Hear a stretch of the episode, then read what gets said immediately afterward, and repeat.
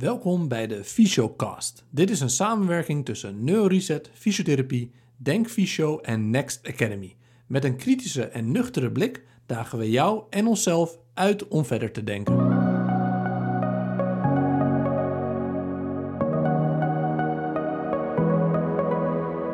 Welkom bij de 22e aflevering van de Fysiocast. We gaan het in deze podcast hebben over bekkenbodemklachten met Hedwig Niels. Een onderwerp waar ik eigenlijk zelf weinig over weet, maar wat ik wel veel terugzie in de praktijk. En ik denk dat we dit allemaal veel vaker tegenkomen in de praktijk. Een goede reden dus om hier meer over te leren van topspecialist Hedwig Niels. Wensen je veel luisterplezier en volg ons ook nog even op Instagram via Neuroreset, laagstreepje Denk Fysio en Next Academy.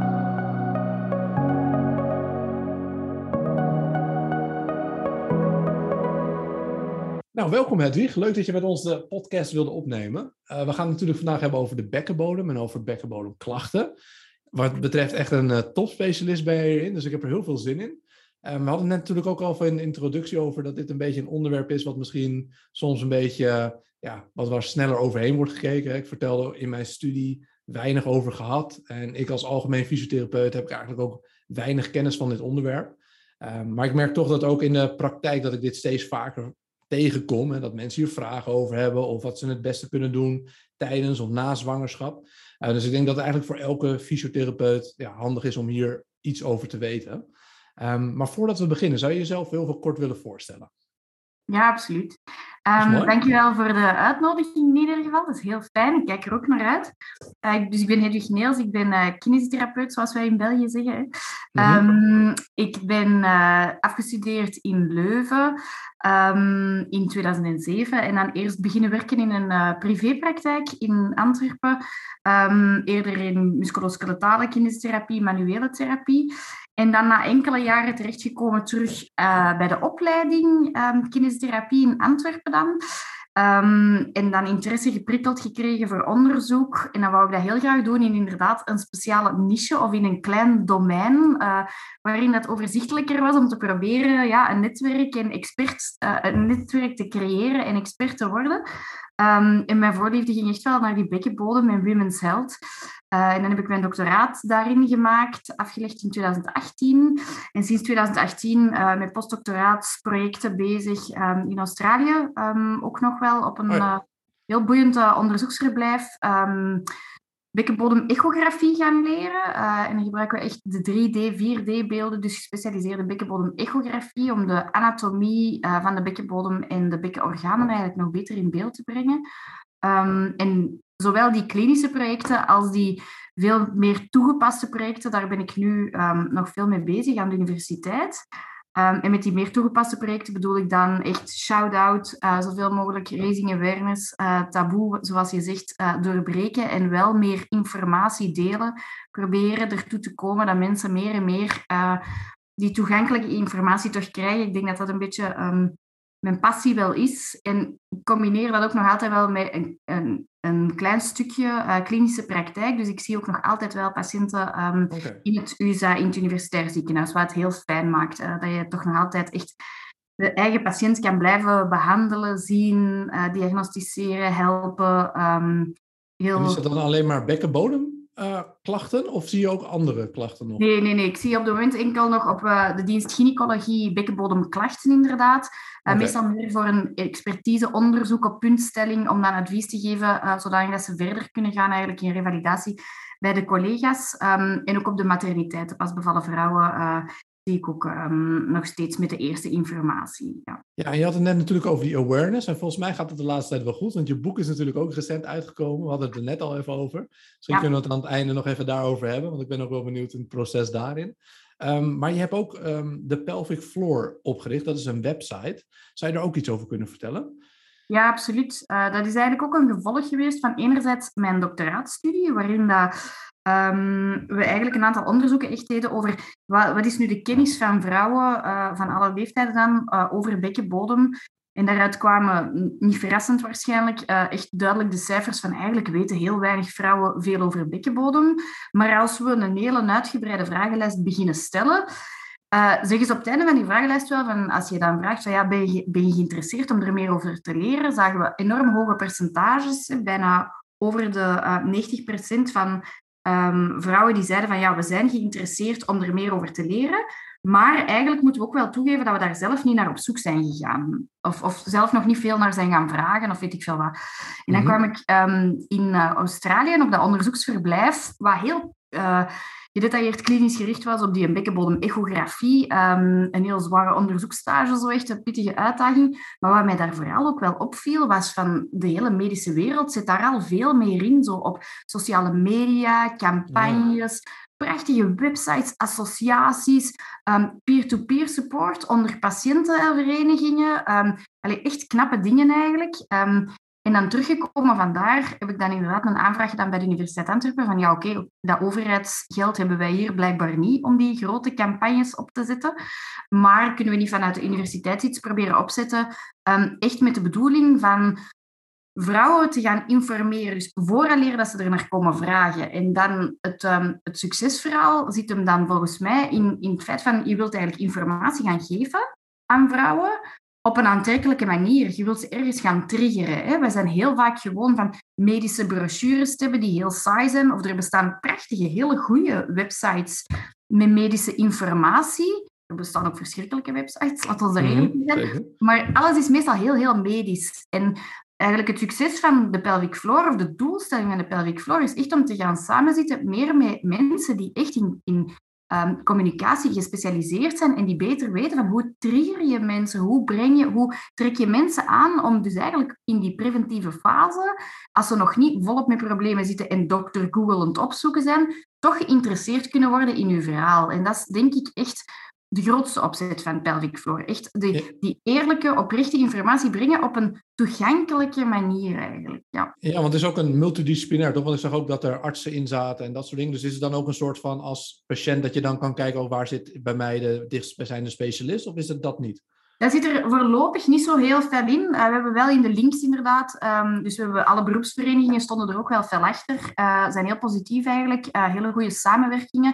En dus onze eigen groep is ook een multidisciplinair team, artsen die er echt heel fel ook aan meewerken, de collega's bekkenbodemkinesisten, um, die er allemaal mee achter staan. Dus dat is wel heel fijn.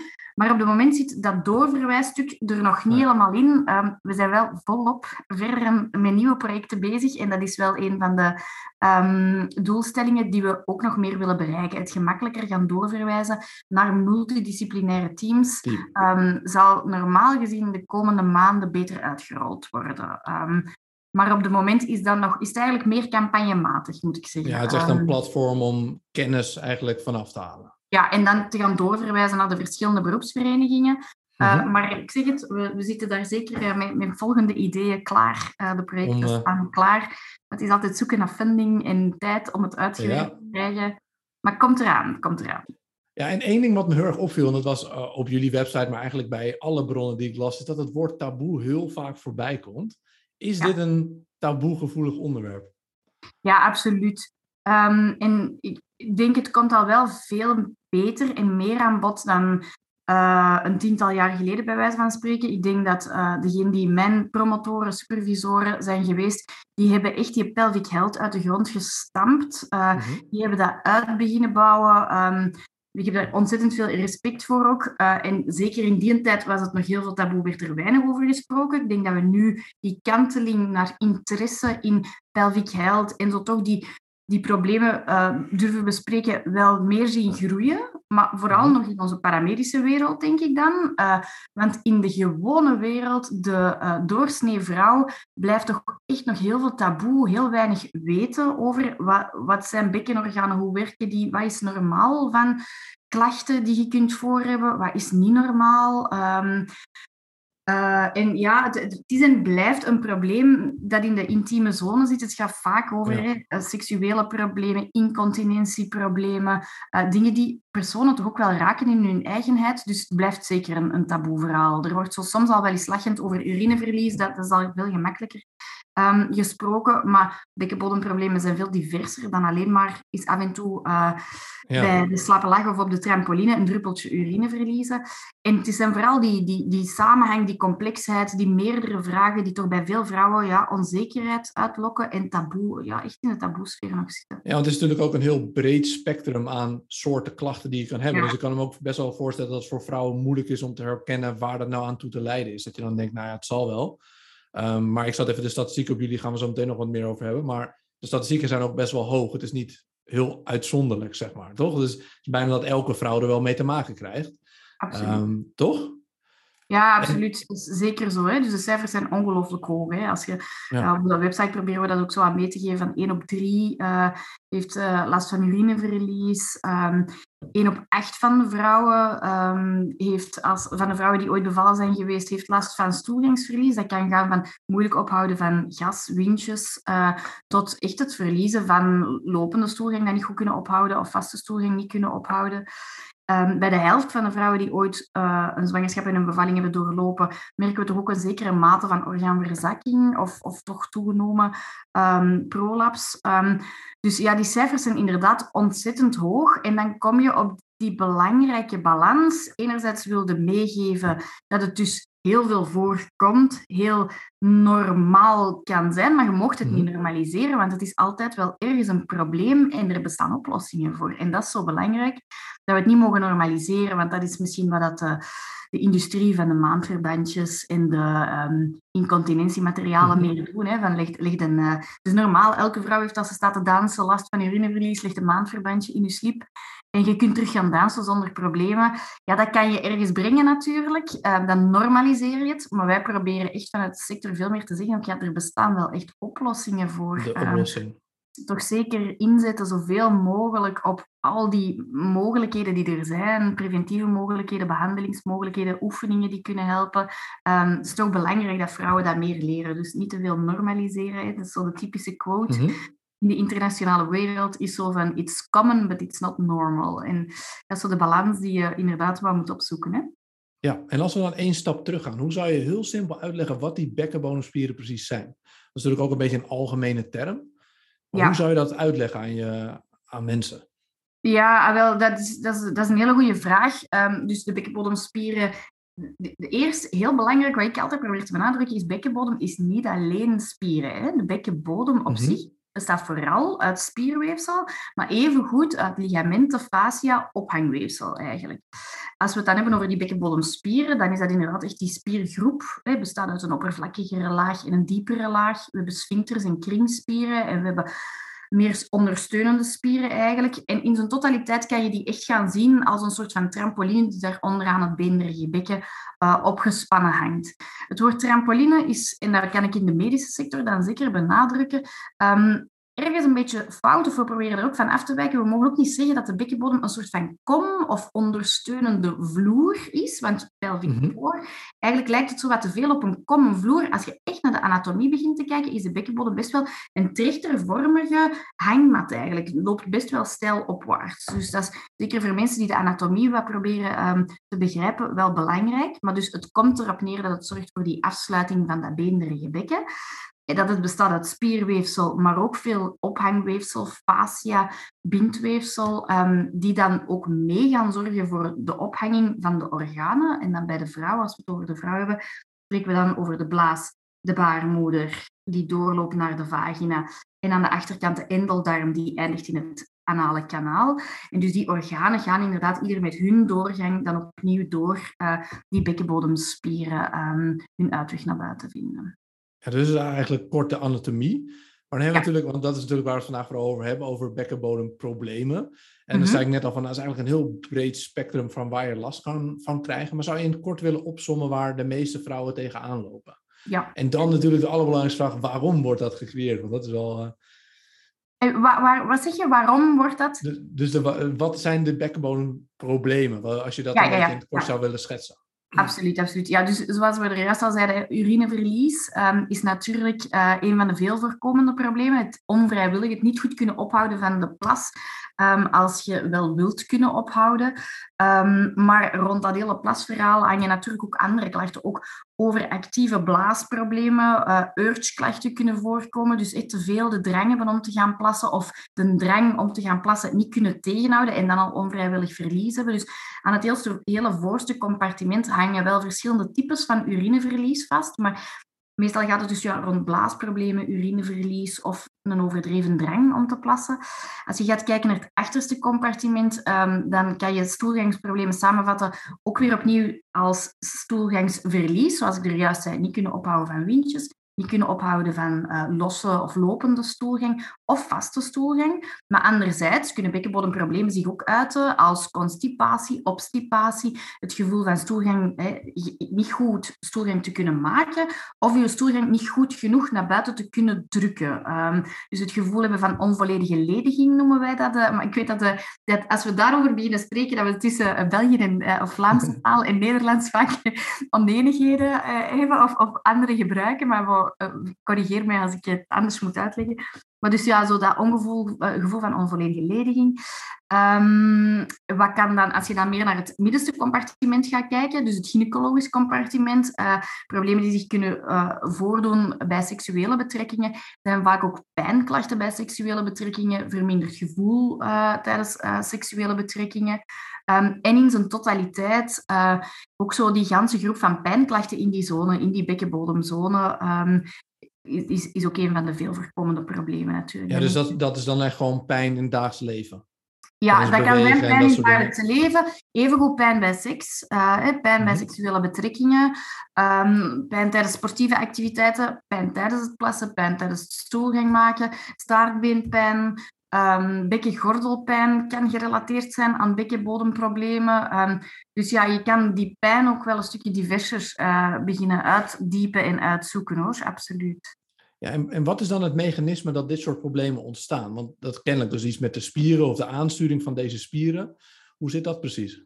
Ja, wel, dat is een hele goede vraag. Hè. Dus heel vaak uh, wordt er gesproken over de zwakke bekkenbodemspieren. Hè. Verzwakking heeft natuurlijk wel vaak te maken met dan uh, bijvoorbeeld urineverlies, stoelgangsverlies. Daarin is het vaak dat we merken dat de spieren te zwak zijn geworden.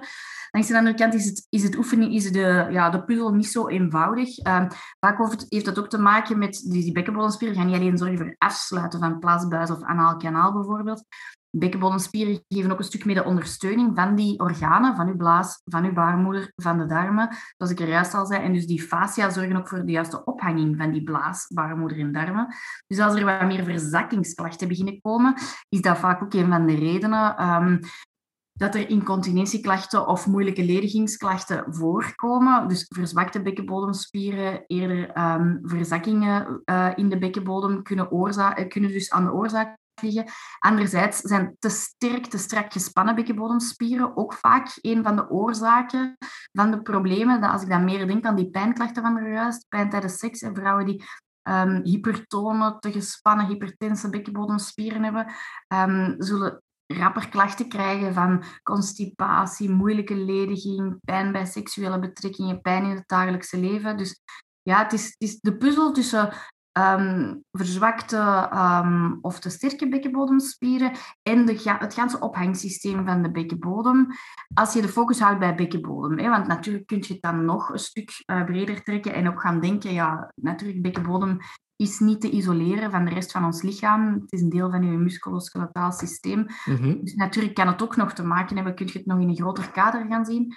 Maar als we ons nu even houden bij de oorzaken in die zone, um, dan denk ik dat ik dat zo het best kan samenvatten. En natuurlijk ook wel, ja, zo de echte...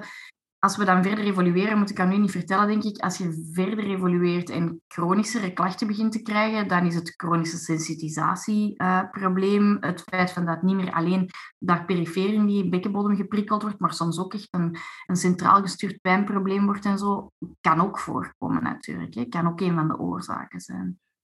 Ja, dus dat, hè, ik denk dat de meeste mensen dan toch inderdaad, als het over bekkenbodem problemen hebben, over inderdaad verzwakking hebben. Maar dat is dus helemaal niet altijd het geval. Het kan ook te sterk zijn en wat je net zegt, de, de, verzakking. En wat zijn dan zeg maar het, het, mechanisme wat nog daarvoor zit? Want dat neem ik aan dat dat voornamelijk komt vanuit zwangerschap. Wel, dat is zeker zo. Hè. Um, zwangerschap en bevalling zijn twee van de grootste risicofactoren of triggers. Hè. Je kan zo gaan kijken naar wat zijn de fasen in een... Um, want we spreken hier natuurlijk nu tijd over de vrouw. Hè. Um, Dit is mhm. mijn, mijn, mijn, specialisatie meer, dus ik ben bijna geneigd om het daarop toe te spitsen. Um, maar dus je kan inderdaad bekkenbodemproblemen in verschillende fasen van de levenscyclus gaan zien. En de grootste eerste piek van prevalentie, incidentie van klachten hè, zit hem absoluut um, door, of wordt getriggerd door zwangerschappen en bevallingen. Net mhm. omwille van die continue overbelasting van dat dragend systeem, meer druk naar het zenuwsysteem, um, meer overstretching van die ganse bekkenbodem tijdens bijvoorbeeld een vaginale bevalling. En natuurlijk zeker ook um, factoren die bijvoorbeeld bij een bevalling het risico nog verder verhogen zijn dan instrumentele bevallingen. Dus in bevallingen waarbij dat we weten dat er, even, dat er ook een, een knip is gezet. Um, of dat er bijvoorbeeld een ruptuur is, dat de spieren wel degelijk ook echt ingescheurd zijn. Um, en die, die rupturen worden dan ingedeeld in verschillende graden tussen welke spierlaag en welke mate van sphincter eigenlijk mee betrokken is. Um, dus die instrumentele bevallingen maken het, als, als de zuignap um, of de forceps gebruikt is geweest om het hoofdje van het kindje naar buiten te brengen, weten we dat de kans op bekkenbodemschade nog een heel stuk groter is. Ook weer zowel naar musculaire systemen als naar de bezenuwing, beschadiging die je zou kunnen riskeren. Um, dus bevalling is daar wel een belangrijke in, maar niet het enige. Vaak zie je toch ook, als ik dan er juist zei, als je gaat kijken in de verschillende cyclussen van mevrouw, um, zie je ook wel vaak dat dan in die postnatale periode, de eerste tien jaar, dus het eerste jaar postnataal, uh, blijven de, blijft een vrouw op zich eigenlijk gewoon herstellende. Um, als er dan geen nieuwe bevalling aankomt, zie je vaak zo wat verbetering van de klachten tijdens de eerste tien jaar na die bevallingen.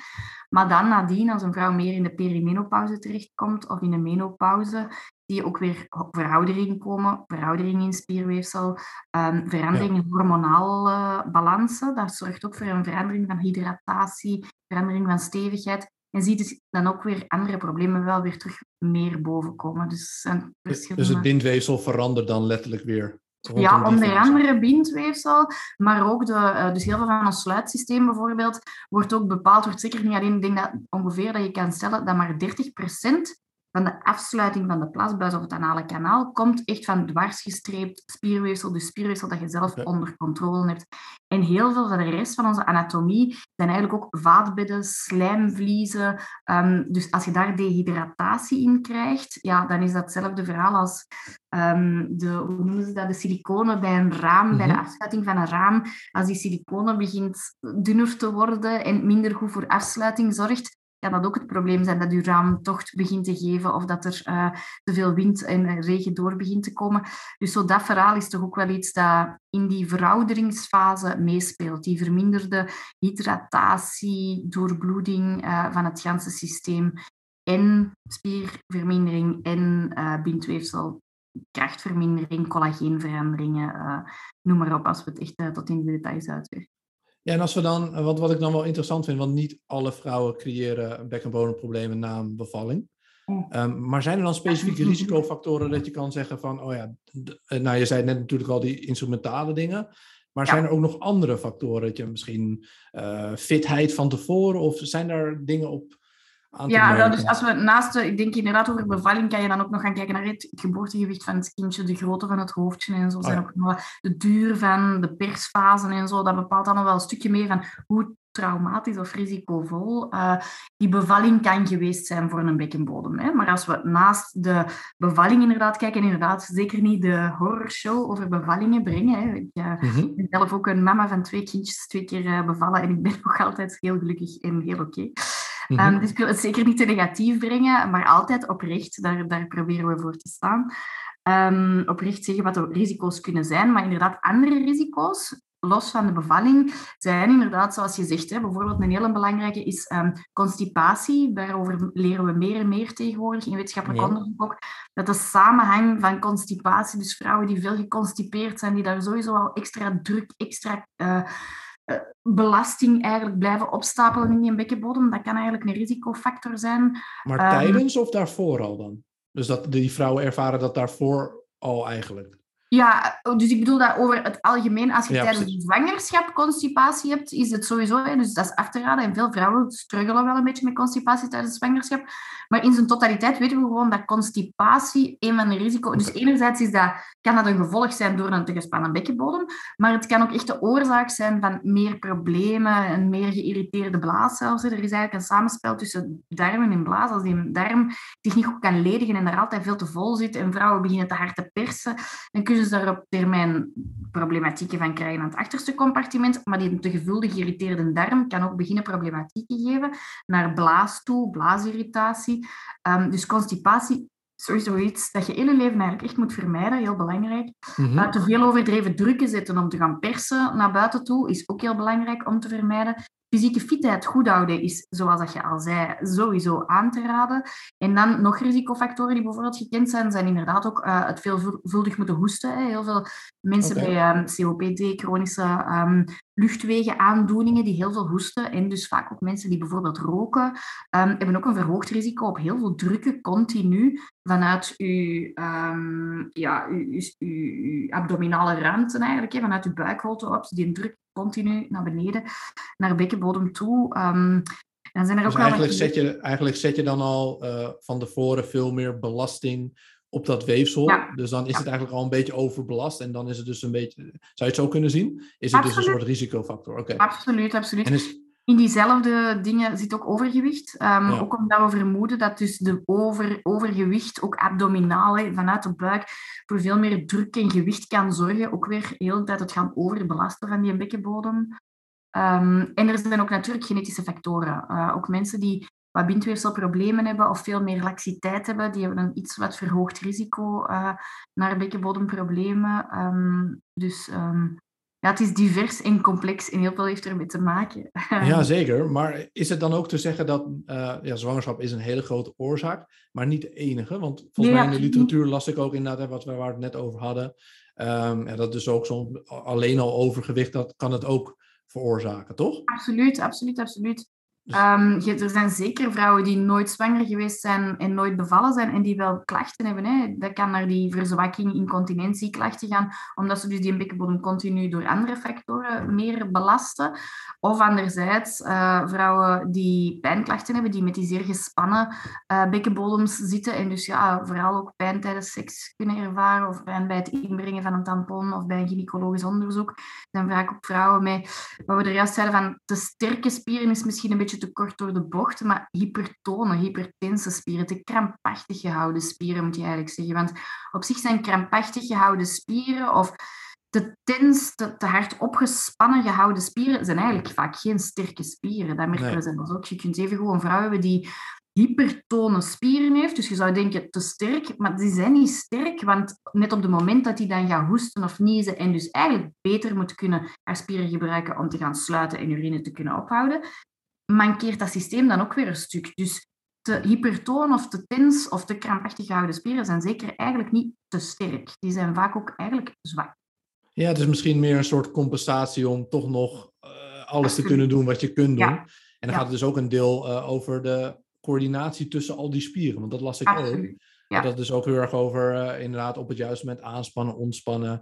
Dus dat het niet alleen over kracht gaat, maar ook over ja, misschien motorische aansturing. Absoluut. En dan kom je ook nog meer in dat pijnverhaal. Hè? Want dan merk je ook alle kennis die je hebt vanuit de rest van het musculoskeletaal systeem, uh, inderdaad compensatoire gedrag. Dus gaan zien dat we toch Um, triggerpunten hè, proberen we minder qua term misschien te gaan gebruiken, maar toch overspannen punten, overspannen strengen in bepaalde spieren gaan beginnen zien. Um, dan kom je heel vaak ook in het, in het verhaal inderdaad uh, van die pijnklachten terecht. En het een kan dan er triggeren, hè, triggeren. Een vrouw die regelmatig last heeft van urineverlies, daar last, uh, ja, schaamte over begint te krijgen, gaat vaak geneigd zijn om haar spieren een stuk gespannender te gaan houden. Dat kan dan weer veroorzaken dat ze inderdaad die zekere pijnpunten in die bekkenbodem begint te krijgen. Onze bekkenbodem hangt dan ook weer heel nauw anatomisch samen met de heupspieren, de coccygeusspier, dus de spier naar je staartbeen toe, de heuprotatoren, um, de uitwendige heupspieren. Dus vaak zie je daar dan zo ineens uh, die pijnklachten verder gaan uitbreiden in compensaties. Um, dus het is zeker vaak een verhaal van motorische aansturing, um, en terug gaan werken naar proprioceptie. Hè. Het, uh, juist, zoals dat jij zegt, het juist leren opspannen, ontspannen. En de juiste kracht leren hanteren voor de juiste opdracht. Hè. Attention to task is ook zo een die uh, vaak gezegd wordt in de internationale, door een mhm. aantal internationale goede sprekers eigenlijk zo. En dat is heel mooi gezegd. Hè. Dat is dat vaak dat je ook in bekkenbodemkinesiotherapie terug moet gaan aanleren van hoe gespannen moet die bekkenbodem durven zijn tijdens welke taken. Als je hoest of niest, ja, dan moet je krachtig aangespannen zijn. Maar als je rustig aan het sporten bent en niet juist een volle blaas hebt of, of, een windje voelt aankomen dat je fanatiek wilt ophouden, dan moet die bekkenbodem niet te gespannen staan. En zo, Dat is zo'n verhaal dat wij heel dag dagelijks aan bod laten komen, denk ik. Ja, het is niet de hele tijd dat alles of niets, wat dus wel vaak dan een probleem is, maar ja. veel, af en toe op 60%, soms op 30% en dan nog eens met al die spieren in de omgeving samenwerken. En als alles goed gaat, gebeurt dat allemaal zonder dat we erover nadenken. Hè? Ja, precies. Gelukkig, hè, bij de meeste mensen, het is niet dat we dat moeten overmedicaliseren, overdramatiseren. Totaal niet. Uh, bij heel veel mensen loopt dat allemaal automatisch, zonder dat je daar iets over nadenkt. Maar net als die problemen beginnen voorkomen, is het vaak terug dat gaan hertrainen, zoals je zegt, naar motorische coördinatie toe, terug gaan stilstaan bij wat is hier de trigger geweest, hoe kunnen we dat gaan aanpassen. Um, en hoe kunnen we dat ook ja, dan eerst heel selectief beginnen oefenen en dan meer en meer functioneel in, in taken van dagelijks leven, in sportieve activiteiten, eigenlijk ook durven doorzetten, durven op trainen. Um, dat is vaak ja, het belang, denk ik, van uh, bekkenbodemspecialisten. Ja, want je had het net over die pijn vanuit, zeg maar, ook spieren, toch? Mm -hmm. maar heb, is het ook uh, bekend of er soms pijn in andere plekken zit, bijvoorbeeld onderrug of buik, of dat het een soort Snap je wat ik bedoel? Dus dat het niet per se op die plekken zit waar ik zou verwachten, maar misschien op uh, andere plekken. Voor, misschien ja, wel voor een ehm, algemeen fysiotherapeut interessant, dat je soms misschien kan denken, oh ja, het is zo langdurig, of misschien is dit een, ook een insteek, zeg maar. Er zijn wel een aantal onderzoeken over zo de relatie uh, van bekkenbodemklachten bij rugpijnpatiënten. Um, en er is zo wat tegenstrijdige informatie de laatste uh, jaren dus een tijd even heel fanatiek gezegd geweest van ja, rugpijnpatiënten hebben veel, veel meer kans op zwakkere bekkenbodems, terwijl dat je dan eigenlijk daarna ook die tendens zag van bij die rug- en vooral ook bekkengordel gerelateerde uh, pijnklachten, zien we toch eigenlijk vaak die hypertone bekkenbodemspieren. Dus mhm. zijn die dan te zwak of te sterk? Of dan komt die discussie over, is dan te zwak of te sterk? Of is het hypertoon? En wat is tonus, wat is sterkte? Um, maar dus dat, daar is de literatuur volop, volop verder over aan het uitbreiden. Hè. Er zijn echt wel veel uh, onderzoeksgroepen interessant bezig om die relatie te gaan uitzoeken. Ik denk sowieso als algemene fysiotherapeut of gespecialiseerde uh, manueel fysiotherapeut, dat je bij alle bekken- en rug pijnpatiënten um, of, of, of, of klachtenpatiënten uh, daarnaar moet durven vragen. Of dat er daar eventueel in die bekkenbodem ook dingen veranderd zijn. Uh, bilpijn is ook wel zo'n heel gekende. Mensen die meer pijn hebben in die uh, piriformis regio, gluteus ah, regio. Um, Stuitje misschien? Ja, absoluut. En dus stuitje, coccyspijn. Zorgt sowieso uw coccygeus, dus de spier die de coccyx gaat verbinden met de bekkenbodem. De, de belangrijkste diepe bekkenbodemspier, de levator ani, hangt eigenlijk met ligamenten vast tot aan coccyx en sacrum. Dus vanaf dat daar inderdaad iemand gewoon puur een val heeft gedaan en daardoor coccyspijn heeft, dan weten we die pijn die zal op termijn wel wegtrekken, maar toch merkt er dat vaak iemand terechtkomt in een chronische pijncirkel, omdat mhm. die pijn te veel onthouden wordt door ons lichaam dan. En die, die bekkenbodem zich daarop inderdaad hypertonisch beginnen gedragen en vast is beginnen zetten. Dus ik denk vooral zo bij die klachten is, en ook lies, klachten. Als je denkt aan sporters, uh, de adductorenproblematiek. Je adductoren hechten ook aan, aan je mhm. symphysis pubis uh, en aan die rami van, van het uh, bekken eigenlijk onderaan.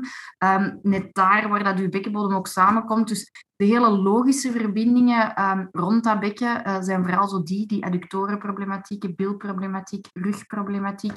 Uh, Iliopsoas is ook vaak een die dan bij vrouwen na zwangerschappen zeker ook uh, zo over, over, um, allez, of overspannen mag ik niet zeggen, maar voor problemen kan blijven zorgen. Um, dat zijn zo wat de meest frequente dingen waar dat je, uh, denk ik, de link naar kan gaan leggen. Als je dan een heel stuk dieper zoekt, vind je ook super leuke uitzonderlijke onderzoekjes over de relatie tussen ja, bek- en bodempijn uh, en schouderpijn, bij wijze van spreken. Okay, okay, okay. Maar, maar allee, daar kan ik nu niet te veel details over geven, want ben ik zeker geen expert in. Uh, dat is misschien uh, nog meer om in de toekomst uit te zoeken. Maar jij zegt dus wel dat het handig is als je inderdaad hè, de, de pijnplekken waar je het net over had, dan zeg je, oké, dan kun je er wel, dan moet je durven uit te vragen. En dan vraag je dus ja. gewoon uit naar symptomen. Ja. Dus van ervaar je, heb je incontinentie of dat soort dingen vraag je? Of vraag je ja. veel specifieker? Nee, zo vragen. En eigenlijk dat gewoon durven vragen. Er zijn heel, heel weinig mensen die, als je niet in die bekkenbodem aan het werken bent, ja, die vragen letterlijk durven stellen. Maar ik ben er eigenlijk persoonlijk van overtuigd dat als je die vragen openlijk en vol vertrouwen zelf durft stellen op een normale manier. En zelfs soms beginnend met de quote van ja, nu ga ik u een paar rare vragen stellen. Hè? Maar mag ik toch eens niet vragen of dat je daar of daar eventueel klachten van hebt gehad? Meestal merk je dat je zet de deur open. Hè? Je zet de deur open om te praten en je kan daar perfect ook als algemeen therapeut in aangeven van kijk, het is totaal niet mijn specialisatie. En als we merken dat je daar ergens in bijgestuurd moet worden, dan verwijs ik je liever door naar een collega die er meer in gespecialiseerd is. Maar we weten eigenlijk wel dat het vaak voorkomt en dat er een overlap van het een naar het ander kan zijn. Dus mag ik u daar toch eens een paar vragen over stellen? Dan denk ik dat je echt, als je heel gericht durft, openlijk die dingen, zoals dat we ze nu in het bespreken zijn, bespreken, dat, dat je veel, veel vrouwen echt gaat helpen. Ja, oké. Dat is heel goed om in je achterhoofd te houden. Zeker als algemeen fysiotherapeut. En daar loop ik dus ook vaak tegenaan van ja, weet je, misschien is het zo, maar dat is dus dan vooral ja. uitvragen, het erover hebben en dan kijken of je samen inderdaad contact kan opnemen met een bekkenbodemfysiotherapeut of een, iets in die... Oké, okay, dat is heel goed om te weten. Um, ik wil nog heel veel terug naar die statistieken, want het komt heel veel voor. En er staan een aantal voorbeelden, gaf je net al aan. 1 op de 2 van de zwangere vrouwen verliest soms urine. Nou, dat is al best wel veel. Um, mm 1 op 3 vrouwen heeft urineverlies na de bevalling. En ja, ze hadden toen over het onderzoek dat je ja, toen had gedaan, dat eigenlijk heel veel vrouwen niet eens weten dat dit zo vaak voorkomt, toch? Ja, dus die onderzoeken over die kennis op zich waren eigenlijk de grote, de, grote uh, conclusies daar waren echt van vrouwen zeggen van eigenlijk weten we niet echt wat normaal is, wat niet normaal is, hoe dat die bekkenbodem nu juist werkt. We zijn er wel in geïnteresseerd om er meer over te weten, maar we durven er ook niet echt zelf naar op zoek, of op zoek gaan naar informatie. Dat kwam eigenlijk vooral zo wat uit die onderzoeken over kennis op zich en over veel okay. voorkomen. Andere studies die we gedaan hebben, die ook heel interessant waren, is bijvoorbeeld ook um, zo het feit van dat je onmiddellijk postpartum, als je dan terug aan die cijfers denkt, van die vrouwen die toch vaak tijdens de zwangerschap of na de zwangerschap problemen hebben, um, hebben wij een aantal van onze onderzoeken toen tijdens mijn doctoraat ook gefocust op de onmiddellijke postpartum. Omdat mijn promotoren, uh, zoals ik u er juist zei, heel mooi hadden uitgewerkt ook in het ziekenhuis van laat ons echt onmiddellijk op de materniteit bij de pas bevallen vrouw direct informatie gaan geven, direct leren van okay. durf maar onmiddellijk starten met je oefeningen. Je hoeft dit geen zes weken te laten wachten. Je moet niet direct met power fitness beginnen, dat absoluut niet. Maar die bekkenbodem al direct proberen proprioceptief ja. mee te krijgen in je verhaal, daar moet je geen schrik van hebben. En dat wezen onze onderzoeken ook echt, um, dus ze zijn daar eigenlijk eerst klinisch mee begonnen en dan hebben we daar verder onderzoek naar gedaan van hoe bevalt dat nu die vrouwen? En effectief, je ziet dat dat triggert de pijn helemaal niet. Uh, zorgt onmiddellijk voor een verbetering. Dus dat is een hele goede kans eigenlijk om op die moment vrouwen te gaan bijsturen. Um, want ook heel veel vrouwen oefenen op zich toch ook nog wel verkeerd. Dat hangt dan weer wat samen met, er juist als we zeiden van vrouwen hebben weinig kennis.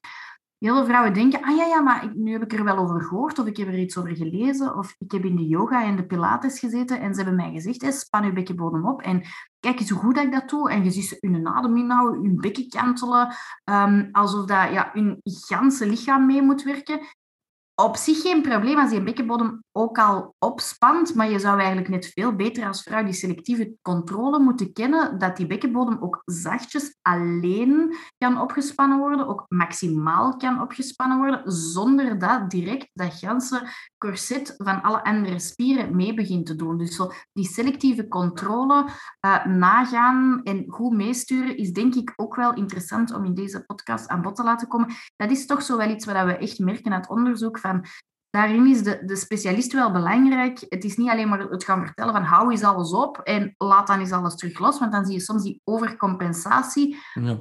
die ook niet functioneel zijn. krijg je weer een beetje dat alles of niets juist. Ja, je moet juist ja. leren van Absoluut. die hele kleine percentages. Ja, ja.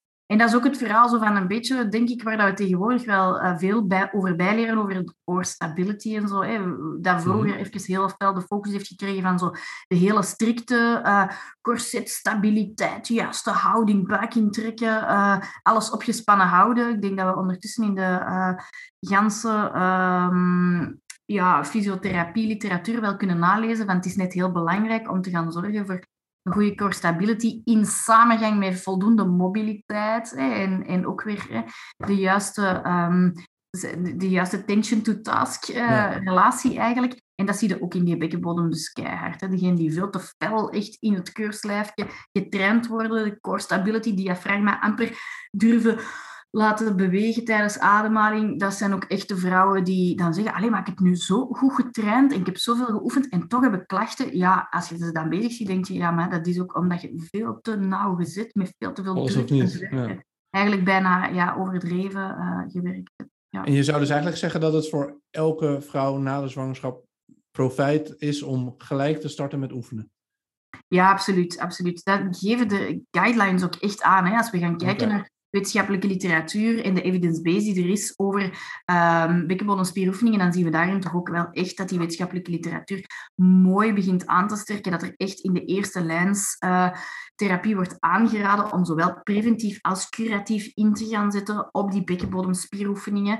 Um, dat het zeker niet voor alles altijd een oplossing kan zijn, zeker niet bij die dames die, uh, die meer uitgesproken of complexere problematiek hebben, maar dat het zeker als preventieve guideline al mag meegegeven worden, geen twijfel over. En eh, net in diezelfde lijn van vind ik dan ook dat bijvoorbeeld elke vrouw na een zwangerschap door een specialist um, bekkenbodemkine uh, zou moeten gezien worden. Dat denk ik niet. Dus de het is en blijft de keuze van de vrouw op mhm. zich. Um, en er kan al heel veel educatie gegeven worden, maar het is ook nooit verloren, denk ik. Iedere vrouw kan daar op zich altijd van opsteken en van bijleren als je wel eens een keer uh, een controle kunt laten doen door iemand die toch ja, eens een keer een, een nauwer gezet bekkenbodemonderzoek. En dan denk ik bijvoorbeeld ook echt wel hè, aan vaginale palpatie. Um, het hoeft daarom niet altijd die inwendige palpatie te zijn, maar het kan toch uh, voor heel veel vrouwen vaak wel meer informatie opleveren. Um, ja, dus ook al als die risicofactoren nog niet helemaal of eh, heel weinig aanwezig zijn, is het voor iedereen eigenlijk gewoon goed om te doen. Ook een beetje in het kader, baat het niet, dan schaadt het niet. Ja, de oefeningen sowieso, baat het niet, dan schaadt het niet. Met dus daarbij wel ingerekend dat we niet mogen gaan overhellen naar en je moet allemaal x aantal nee. oefeningen, zoveel per dag. En dat ze alleen focussen op opspannen, opspannen, opspannen, opspannen. We leren meer en meer uh, de laatste jaren en ook uh, wetenschappelijk onderbouwd dat dus die relaxatie en ontspanning ook wel heel belangrijk is. Hè? Maar preventief het juiste gedrag daar gaan aanleren en oefeningen doen is zeker voor iedereen aan te leren. En überhaupt het er al over te hebben, zodat ook die taboe wat minder wordt. Toch? Als je het gelijk met mensen bespreekt, dan is dat ook gelijk. En um, hoe zit dat met, want je zei net over diagnostiek, hoe diagnosticeren bekkenfysiotherapeuten dit, zeg maar, dat er een probleem is met de bekkenbodemspieren? Wat zijn alle tools? Je had net ook in het begin over echografie. Ja, dat is nu wel, dat moet ik nu wel zeggen, dat is zeker ook um, een heel mooie uh, onderzoekstoel, maar de mate van uh, echografie die ik nu bijvoorbeeld in het USA, in het Universitair Ziekenhuis in Antwerpen doe, die 3D, 4D-echografie, uh, um, is dus eigenlijk echt met 3D-beelden gaan werken. Daarin kan je nog nauwgezetter gaan kijken naar beschadiging in bekkenbodemspierweefsel, naar verzakkingen um, in het systeem, omdat je eigenlijk de, de je doet dat transperineaal, die echografie. Dus die, die echoprobe wordt dan tegen uh, de schaamlippen eigenlijk gezet, tegen het, het uh, perineum. En langs de buitenkant kunnen we dan door contractie te gaan vragen, dus opspannen, rust, maar even goed te vragen van, dit nu eens een keer heel veel druk, heel veel leren. Maar die die dure toestellen met 3D, 4D, um, dat is eigenlijk natuurlijk wel iets um, dat je vaak ziet vallen meer onder de nomenclatuur van de artsen. Ik denk dat ik daar een beetje het, uh, het grote voordeel heb gehad van door mijn postdoctoraal onderzoek uh, als onderzoeker terecht te komen um, aan de Universiteit van Sydney en daar veel over heb bijgeleerd. Wat niet wil zeggen dat naar feedback en gewoon visuele feedback ook basistoestellen van echografie ook al heel veel kunnen uh, leren als die transperineaal gezet worden. Dus er zijn heel veel fysiotherapeuten en kinesisten die daar meer mee aan het werk gaan en heel mooi werk mee kunnen leveren. Maar het zit misschien niet echt in het eerste, het eerste basisonderzoek wat een, een, een uh, gespecialiseerde kinesitherapeut of fysiotherapeut zal doen, bestaat dus heel belangrijk uit een goed vraaggesprek. Uh, vragenlijsten kunnen natuurlijk ook, er zijn veel gevalideerde vragenlijsten die daarbij betrokken kunnen worden. En dan uh, het, het bekkenbodemonderzoek op zich. Natuurlijk kan je uitwendig gewoon ook al eens gaan kijken. Kan je uitwendig ook al gaan voelen naar de druk die je, de druk die je voelt of de inwaartse beweging die je eigenlijk van de bekkenbodem moet voelen onder je vingers. Maar als je nauwgezetter onderzoek wilt gaan doen, dan is het ook wel belangrijk om een vaginale palpatie te kunnen doen. Um, dus een intern uh, vaginaal onderzoek eigenlijk, waarbij dat de kinesist dan de sterkte, uh, de duurkracht, um, de uh, reflexen, de reacties bij hoesten kan nagaan. Ook tijdens het opspannen, tijdens rust, tijdens het druk zetten naar beneden kan gaan voelen van wat er daar in die vagina eigenlijk gebeurt. Um, net als ook naar het achterste compartiment toe, kan je eigenlijk ook met een anale palpatie van die kringspier uh, en van het rectum op zich ook alweer heel veel gaan leren, zowel over de bekkenbodemspieren als de organen op zich.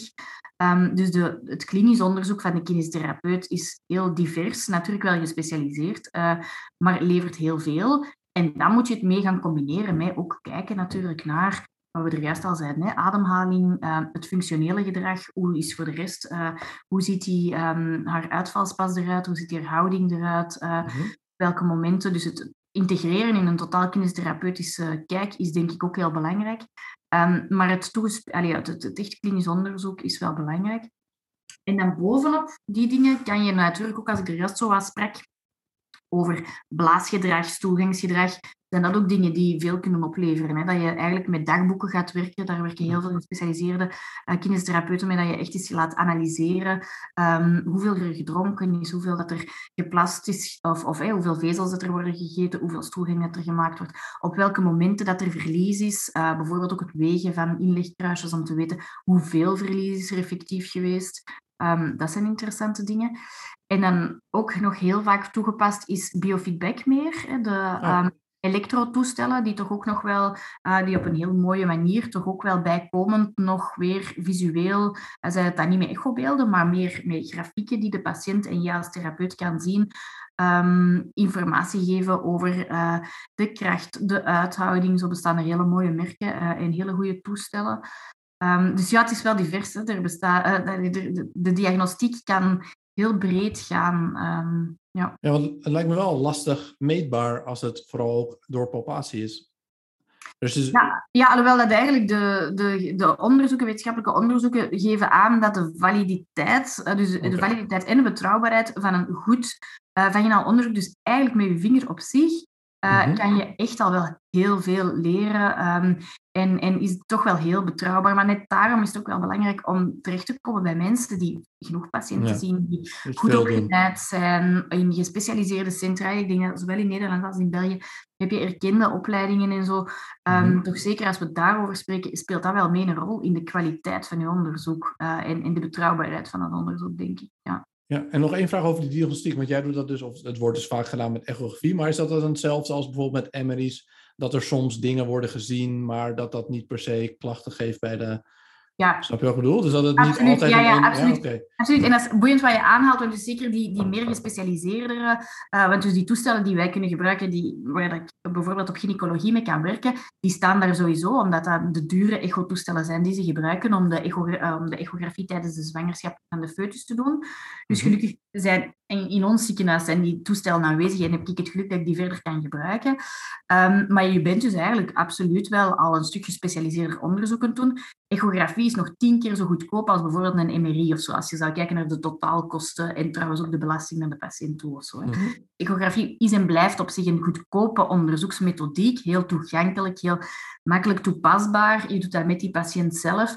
Uh, maar je bent al wel in gespecialiseerde onderzoeken bezig. En dan was mijn eerste vraag ook als ik terugkwam uit Sydney en dat begon toe te passen. Ja, ben ik er niet te veel, zoals je zegt, aan het medicaliseren, aan het overdrijven. Van we kijken naar wat we op de beelden zien, maar misschien hebben die mensen geen problemen. Maar daarin leer je wel heel snel heel veel bij. Ik denk, je mag zeker, dat is communicatie dan ook weer. Het is niet omdat wij dingen zien op die echografie, dat we die dramatisch moeten gaan communiceren. En ik merk echt vanuit de praktijk dat het net heel vaak die visuele feedback is die vrouwen eigenlijk kan geruststellen van ja, ik begrijp dat je soms wel moeite hebt om urineverlies te gaan ophouden of dat je soms meer dat zwaartegevoel hebt als je bijvoorbeeld ziet dat de blaas een stukje meer verzakt. Dus je kunt het mee een stuk laten zien, maar je kunt even goed dan met die diepergaandere onderzoeken ook zeggen van kijk, maar eigenlijk zien we het niet in die mate dat het problematisch is of dat je er ongerust door moet zijn. Dus ik denk dat de berichtgeving rond bijvoorbeeld echografie superbelangrijk is dat je het juist gebruikt naar het begrijpen van wat iemand voelt, het visueel maken van iemand kan voelen, maar zoals gezegd, niet het risico nemen om te veel te gaan medicaliseren, diagnosticeren, alleen maar op beeld. Het belangrijkste blijft, wat zijn de klachten van de patiënt? En als, als wij dingen zien, je, je ziet vaak ook beschadiging in bekkenbodemspieren, waar dat vrouwen totaal niks van weten of niks Hè? Dus ja, zeker als er vaginale bevallingen zijn geweest en die structuren zijn er uitgestretched, dat wil helemaal niet zeggen dat elke vrouw daar zomaar klachten van heeft, hoor. Absoluut niet. Dus dat is uh, een terecht goede vraag. Van, ja, die, dat risico moet je wel in de gaten houden dat je niet overdiagnosticeert. Ja, dus het is ook vooral een vorm van educatie dan. Hè? Dat je ja, met de, ja, toch? Dat je samen ja. kan kijken, okay, wat, is, wat speelt daar dan? Oké, en um, we hadden ik wil het graag zo meteen hebben over de interventies, want dat, dat is natuurlijk super interessant en ook het meest waardevol, denk ik, voor de luisteraar. Maar is er preventief ook nog iets te doen? Hè? We hadden het net over, nou, het is eigenlijk voor elke vrouw waardevol na de bevalling oefeningen te doen. En zouden we dat ook kunnen zeggen voordat het gebeurt? En wat dan? Absoluut, absoluut. Dus zeker als je uh, terug toespitst op die zwangere vrouwen. En de, dus ja, je bekkenbodem leren kennen voor een zwangerschap is zelfs nog beter dan tijdens een zwangerschap, denk ik. Uh, tijdens de zwangerschap weten we dat het absoluut meerwaarde heeft om ook al bekkenbodemspieroefeningen te gaan doen. Dus voldoende versterken. Langs de andere kant je bekkenbodem goed leren kennen. Dus ook weten hoe dat je hem kan ontspannen, wat dan weer ontzettend belangrijk zal worden tijdens de vaginale bevalling. Um, daarnaast is tijdens een zwangerschap ook weer belangrijk, zoals we al hebben gezegd, om constipatie te vermijden. Dus gewoon genoeg fysieke activiteiten um, om gemakkelijkere stoelgang te hebben, voldoende fysiek actief blijven. Dat hangt allemaal samen in die gezondheid die tijdens de zwangerschap alleen maar nuttig kan zijn. En mhm. dan weten we bijvoorbeeld, als je nog spreekt over preventie, is de literatuur uh, over perineale massage ondertussen ook wel duidelijker uh, dat dat ook een, een, voordelig effect kan hebben. En daarmee bedoel je eigenlijk dat een vrouw bij zichzelf kan leren om tijdens de laatste weken van de zwangerschap eigenlijk de um, vaginale opening um, te durven opstretchen, oprekken. En volgens mij is het onderliggende uh, systeem En niet alleen volgens mij, er zijn heel veel collega's die diezelfde tendens uh, beginnen zeggen. Van, het is niet dat we echt verwachten dat je daar die vaginale opening en die bekkenbodemspieren al bent het uitstretchen en bent echt letterlijk aan het verlengen, zodat het hoofdje tijdens een vaginale bevalling er gemakkelijker door gaat komen. Maar je leert door die perineale massage, als een vrouw dat comfortabel vindt en zelf durft en wil doen, leert ze wel bij een stretch die ze zet op haar eigen bekkenbodemspieren en op die vaginale opening, te ontspannen. En dat is natuurlijk iets wat tijdens een bevalling belangrijk is, dat op het moment dat het hoofdje erdoor wordt geperst, die vrouw durft die stretch direct toelaten, zonder dat ze krampachtig die bekkenbodemspieren terug te veel gaat opspannen. Dus dat durven stretchen, durven rekken, is ook iets wat je eigenlijk dus wel ziet um, dat wetenschappelijk uh, verbetering zou kunnen brengen. En dan zijn er natuurlijk een aantal uh, preventieve guidelines, ook nog voor tijdens de bevalling, die dan wat meer in de sector van onze collega's uh, bloedkundigen en gynaecologen, obstetrici uh, terechtkomt. Hè. bijvoorbeeld het gaan toepassen van warmtedoeken op de bekkenbodem tijdens de bevalling, op het perineum, het wel of niet gaan steunen van het perineum, het wel of niet gaan zitten van een knipje. Dat, dat zijn wat zou die warmte doen dan? Meer ontspanning of zo? Ook meer ontspanning, vermoed ik. Ja, ja, absoluut. Dat dat, het onderliggende, uh, dat dat de onderliggende werking wel zal zijn, effectief. Um, dus tijdens die bevalling op zich kan er dus ook wel nog het een en ander gedaan worden. Uh, en dan na de bevalling is het zoals je zegt, hè, uh, sowieso voor iedereen aan te raden om al wel terug die bekkenbodem te leren kennen, die oefeningen op te starten, Um, als het dan echt gaat over kracht terug opbouwen, dan weten we ook ja, dat je terechtkomt in de principes van krachtversterking. Dus drie reeksen van uh, eh, 8 tot 12 herhalingen, wat je kent in het andere MSK-verhaal, geldt even goed mm -hmm. voor de bodem.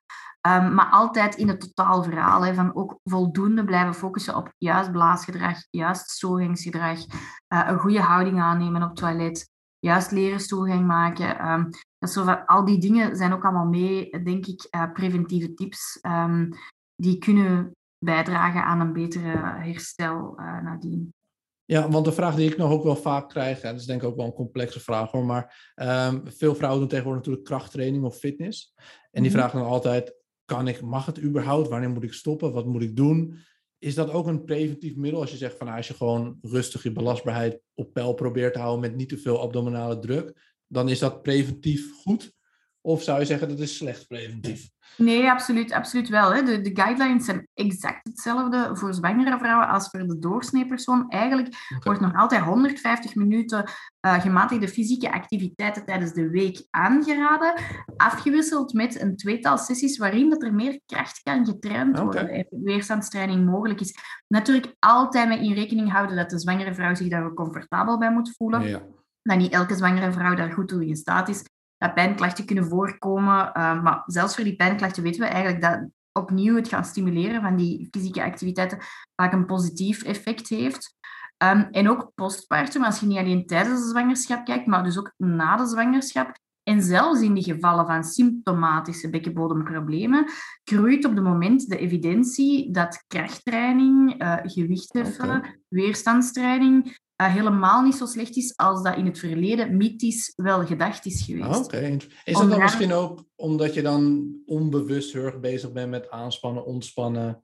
En want als je uh, squat maakt, dan ben je natuurlijk onbewust ook met al die andere spieren bezig. Of is Absoluut. Dat niet? Absoluut, absoluut. Uh, dus je krijgt een, een algemene stimulatie eigenlijk van je, je ganse systeem van spierketens.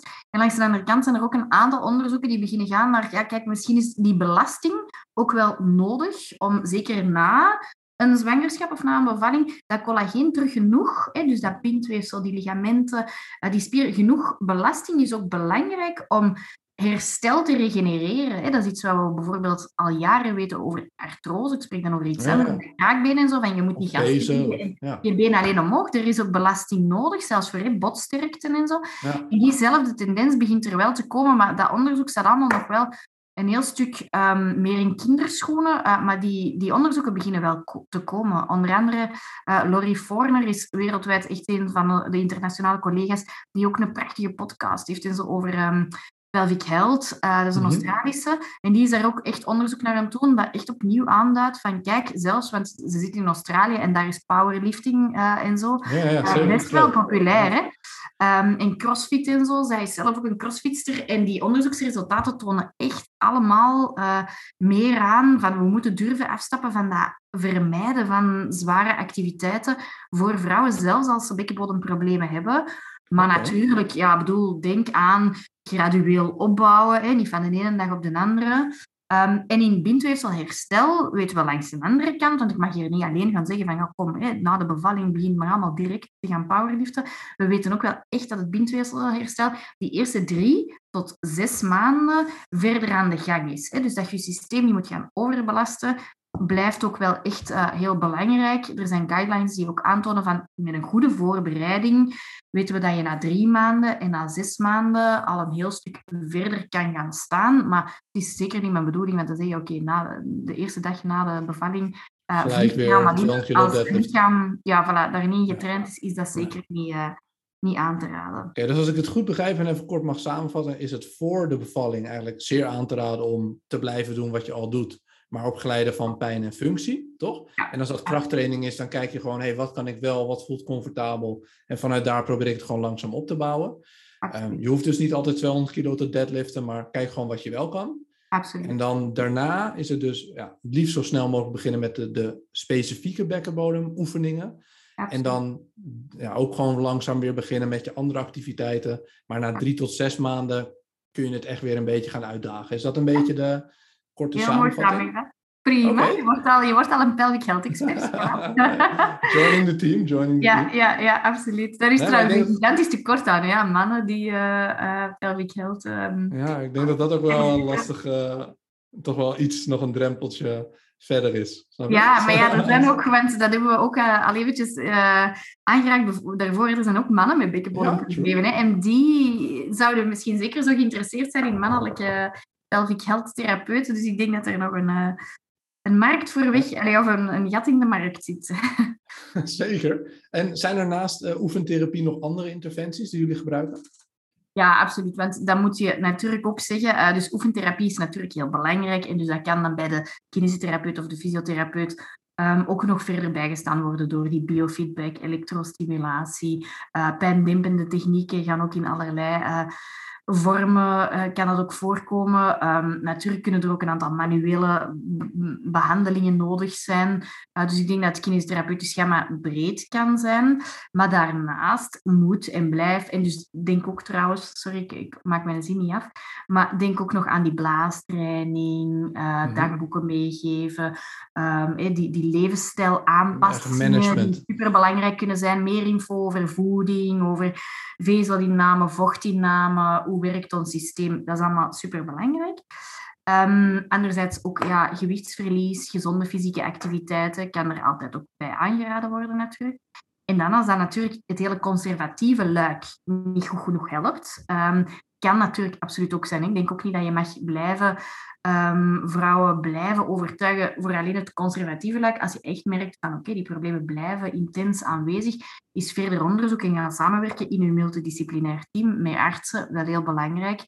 Want ook medicatie um, of bijvoorbeeld pessaria, dat zijn eigenlijk hulpmiddelen die in de vagina kunnen ingegeven worden om te gaan helpen tegen incontinentie of om te gaan helpen tegen die orgaanverzakkingen um, kunnen goede tools zijn. En in, in een verdere stadium natuurlijk, als die dingen niet helpen, is chirurgie soms ook echt een hele goede oplossing uh, voor sommige vrouwen. Uh, je hebt neurostimulators die ondertussen ook uh, goed gebruikt kunnen worden voor het beter gaan sturen van die zenuwaansturing van die bekkenbodemspieren en die bekkenorganen. Dus er is wel nog veel meer mogelijk dan alleen het conservatieve luik natuurlijk. en ik denk ook dat we daar juist heel oprecht en eerlijk in moeten kunnen zijn. Er zijn ook wel meer onderzoeken die ook zo aantonen bij wat, wat dan meer de risicofactoren zijn. Als we echt zien dat er bijvoorbeeld meer um, blaaszakking is, blaashals, dus waar dat de blaasbuisorgaan aan de blaas, als die meer zakt, lijkt het succes van kinesiotherapie of spieroefeningen alleen soms wel wat beperkter. Dus ik denk dat we daar de, laatste, de komende jaren nog veel in gaan leren van bij wie kunnen we verwachten dat conservatieve luik efficiënt gaat zijn? Mhm. Bij wie moet je misschien wel durven sneller doorverwijzen naar meer hulp dan alleen uh, de oefeningen op zich? Oké, duidelijk. En we hebben al superveel besproken. Um, ik zou alleen nog willen vragen, heb je nog specifieke korte tips misschien voor vrouwen die nu zwanger zijn of gaan bevallen, of voor therapeuten die er maar werken? Misschien een, hele, een aantal tips die je altijd kan geven? Ah, ik denk absoluut, mijn tips zijn vooral uh, dat leren begrijpen van dat lichaam. Dus leren begrijpen wat normaal is, wat niet normaal is. En dan in eerste instantie erover durven praten. Als je onzekerheid voelt, als je je afvraagt, is dat nu wel normaal of niet? Dan zijn dat de belangrijkste tips. Echt leren erover en praten erover. Uh, dat zijn de twee belangrijkste grote tips. En voor de rest echt waar, die gezonde levensstijl, voldoende fysieke activiteit, blijven volhouden. Um, bekkenbodem altijd meetrainen in uw verhaal en constipatie vermijden. Uh, want dat zijn toch dingen uh, waar, waar dat op langere termijn grote problemen uit verder blijven komen. Ik denk dat dat grote en belangrijke tips uh, zijn. Ja, en staan er ook specifieke oefeningen nog in jouw boek? Want dat is denk ik ook wel interessant voor mensen dan. Ja, wel, het bekkenbodemboek is ook echt meer gebaseerd al eerst. dus ik heb juist een boek inderdaad um, uitgegeven bij Lano. en dat bekkenbodemboek um, is ook echt wel... Eerst en vooral gaat het over het leren begrijpen van je eigen lichaam. Dus er staat heel veel informatie over, over waarom het systeem belast wordt, wat zwangerschappen bevallingen doen, wat de risicofactoren zijn, um, hoe je je, blaas eigenlijk kunt begrijpen, uh, wat normaal is, wat niet normaal is. En um, hoe, natuurlijk staan er ook tips in over het basis, de basis bekkenbodemspieroefeningen. Hoe kan je die dan eigenlijk doen? Hoe kan je jezelf al eens gaan onderzoeken? Um, maar ook hoe kan je meer gaan oefenen op het gaan ontspannen? Dus er staan een aantal oefeningen bij van hoe kan mhm. ik eigenlijk gaan ontspannen. Uh, een aantal yoga-posities waarin dat, dat bijvoorbeeld ook wel soms makkelijker lukt voor vrouwen om te gaan visualiseren of te gaan ontspannen. Dus er zitten zeker uh, veel praktische tips in qua specifieke oefeningen, het is, het is niet het oefenboek. Hè. Um, er, staan, nee, er staan absoluut voorbeelden in van goede oefeningen, van uh, tips en oefeningen en houdingen om te ontspannen. Dus zeker naar het, het, tweede deel van het boek zitten er echt wel veel handige, praktische tips in, denk ik. Maar het is niet dat dit het, het receptenboekje is. En dat is ook vaak, hè, want dat merk je vaak ook als je met journalisten zo van meer magazines of zo, um, als die een artikel willen publiceren, die vragen echt zo naar het succesreceptje. Hè. Welke oefeningen moeten ze Welke doen oefeningen om iedereen doen? Ja, en zo, zo is het jammer genoeg niet. Hè? Dus dat boek is echt, gaat over, we willen nu meer kennis geven om het beter te begrijpen. En natuurlijk staan er ook wel uh, leuke en mooie, en het is mooi geïllustreerd. We hebben mooie illustrato uh, illustraties, ja, illustratoren erop gekregen. Mm -hmm. er staan mooie foto's in die dat wat verder uh, toelichten. Dus ik denk zeker dat naar praktische tips um, vrouwen er veel aan kunnen hebben. Uh, maar het is niet het, het, het oefenprogrammaatje of zo. Dat is het. Nee, maar dat zie je al aan de complexiteit van het probleem. Dat kan ook niet. Ja, voilà. Dat, dat denk ik dan als je oprecht bent, inderdaad, kun je dat niet in één nee. uh, oefenboekje gooien. Nee. Ik zal in ieder geval de link van het boek uh, ook alvast delen. Super interessant om te lezen. Had jij verder nog toevoegingen? Ik denk dat het super interessant is om het net meer open te breken. Het is niet, ons lichaam is niet op te delen in een bovenste deel en een onderste deel, of zoals wij dat soms ja. in de kinesiotherapie-cursus zeggen. Het bovenste kwadrant en onderste kwadrant, die bekkenbodem zit daar wel echt ook. Die centraal compartiment is zo belangrijk, geldt in elke sessie. Elke mens loopt ermee rond, mannen, vrouwen, kinderen. Um, we hebben het nu vooral over de vrouwelijke bekkenbodem gehad, omdat dat mijn specialisatie inderdaad is. Uh, maar ik vind het super fijn dat dat hier in deze podcast ook aan bod kan komen. En ik denk dat dat een hele mooie aanleiding kan zijn om als algemene fysiotherapeut of kinesitherapeut of andere specialist er gewoon al een beetje awareness van te hebben, een beetje weten van over wat gaat het allemaal, hoe kan ik daar al wat naar aftoetsen en wanneer kan ik gaan doorverwijzen naar een van de collega's die daar misschien meer in gespecialiseerd is. Dat het letterlijk een beetje gaat leven, toch? Ja, veel benadrukken, ja, absoluut. Ja.